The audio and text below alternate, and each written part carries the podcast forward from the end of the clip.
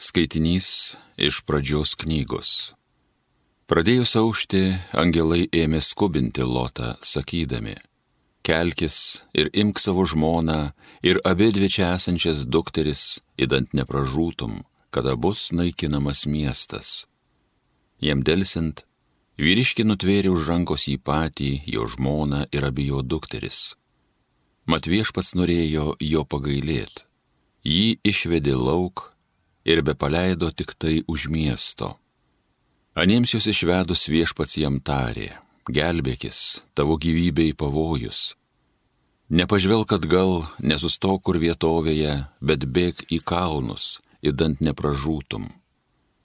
Bet Lotas ėmė prašyti, ak mano viešpatie, juk tavo tarnas rado malonę tavo akise ir tu man parodėjai didelį gailestingumą, išgelbėdamas mano gyvybę bet aš negaliu pabėgti į kalnus. Tenai mane gali ištikti nelaimė ir aš turėčiau numirti. Gana štai arti yra miestas, į jį aš galėčiau pabėgti, jisai toks mažutis. Tenai aš galėčiau gelbėtis, jis toks mažutis, kad likčiau gyvas. Štai jam atsakė, dėl tavęs aš ir tai numačiau, kad miestas, kurį tu minėjai, nebūtų naikinamas. Tad greitai gelbėkis ten, aš nieko negalėsiu daryti, kol tu ten nenuvyksi. Todėl tas miestas vadinsis Coaras, mažutis. Buvo vos pakilus saulė, kai Lotas atėjo Coaran. Tada ant Sodomos ir Gomoros viešpats užleido sieros ir viešpaties ugnies lietų. Taip jis sunaikino šitos miestus ir visą apylinkę, visus tų miestų gyventojus, visus tos žemės augalus. O Loto žmona pažiūrėjo atgal ir pavirto į druskos stulpą. Anksti rytą Abraomas nuskubėjo į tą vietą, kur buvo stovėjęs prieš viešpatį ir pažvelgė Sodomos ir Gomoros kryptimi ir į visą lygumos rytį. Pamatė, kaip dūmai kilo nuo žemės, panašus į leidyklos krosnies dūmus. Taigi prisiminė Dievas Abraomą naikindamas lygumos miestus ir leido Lotui pabėgti nuo pražūties kuomet jis naikino miestus, kurių viename Lotas gyveno. Tai Dievo žodis.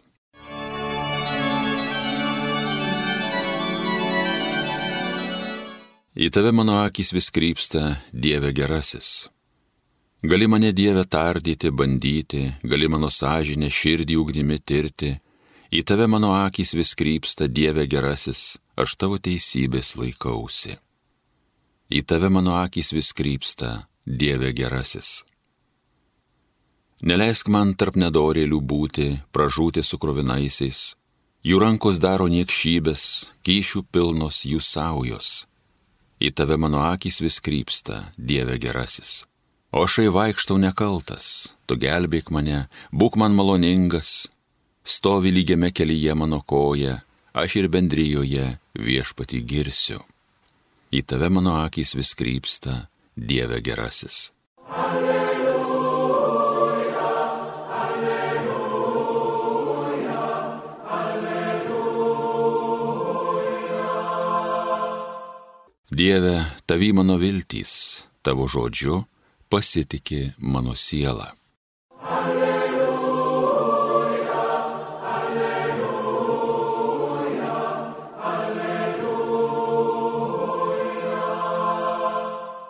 Jėzus įlipo į valtį ir mokiniai paskui jį. Ir štai ežere pakilo tokia smarki vėtra, kad bangos ėmė semti valtį, o jis miegojo. Mokiniai pripuolė ėmė jį žadinti, šaukdami, viešpatie gelbėk žuvame. Jis jiems tarė, ko jūs tokie bailūs mažatikiai. Paskui atsikėlė, sudraudė vėjus bei ežerą ir pasidarė visiškai ramu.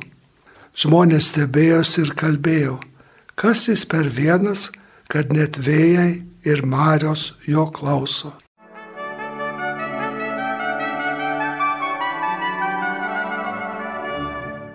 Čia aišku yra Evangelijos pradžioj, trečias skirelis ir dar žmonės bando suprasti, kas Jėzus yra iš to, kaip, kaip jis apreiškia save žodžiais ir svarbiausia darbais ta audra gali būti mums pažįstama. Aš pats kartą plaukiau su draugu jezuitu naktį, vidurnaktį per Amazonijos upės žiotis, kur yra didžiulės bangos. Ir mėgojom hamakuose plaukdami. Ir aš pabudau kažkada naktį, kadangi mano galva daužėsi į medinę laivo sieną ir toks triukšmas didelis, kad nuo triukšmo pabudau, ne nuo skausmo.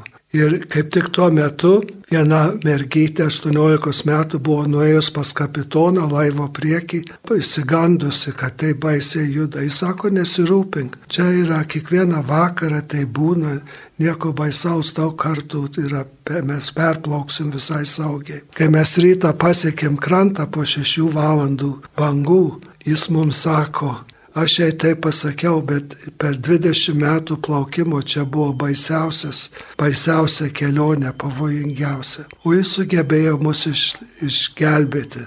Tai nenuostabu, kad mes išsigastam, kai žemė dreba ir kaip čia ir net tas žodis žemės drebėjimas yra dalis šitos audros. Žemės drebėjimas yra ir Dievo apsireiškimo ženklas. Tai tas Jėzus yra visada su mumis ir čia prisimenu kitą žmogų, tokią mergytę, kuri kadaise buvo maža, ketverių metų morta. Ir aš pastebėjau, kai jie eina pasitikti žmogų, tai jį persižegnoja. Ir aš iš jos išmokau, kai man reikia kažkur eiti ir labai rimtai kuo užsimti, ar raštiniai kokioj, ar įstaigoje, ar pas daktarą einu, kad neišgazdinčiau daktaro ar daktarės persižegnoju.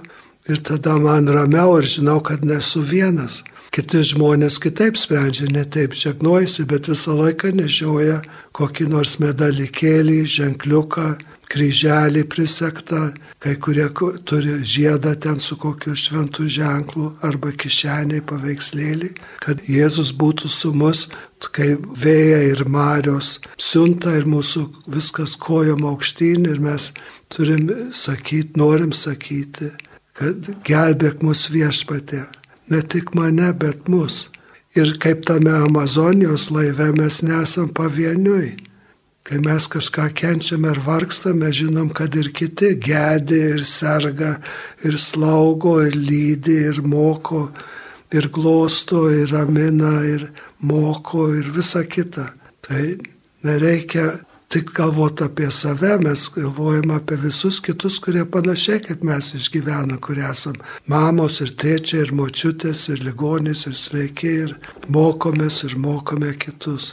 Tai esam visi tam pačiam laive ir kartais jaunimas bažnyčia nupiešia kaip laivą ir tada popiežius yra kapitonas, viskupai ir kluoja, mes visi kiti sėdim aplinkui. Ta, tas pats laivas, kurį, kuriam Jėzus vadovauja ir kuris gelbėja iš audrų.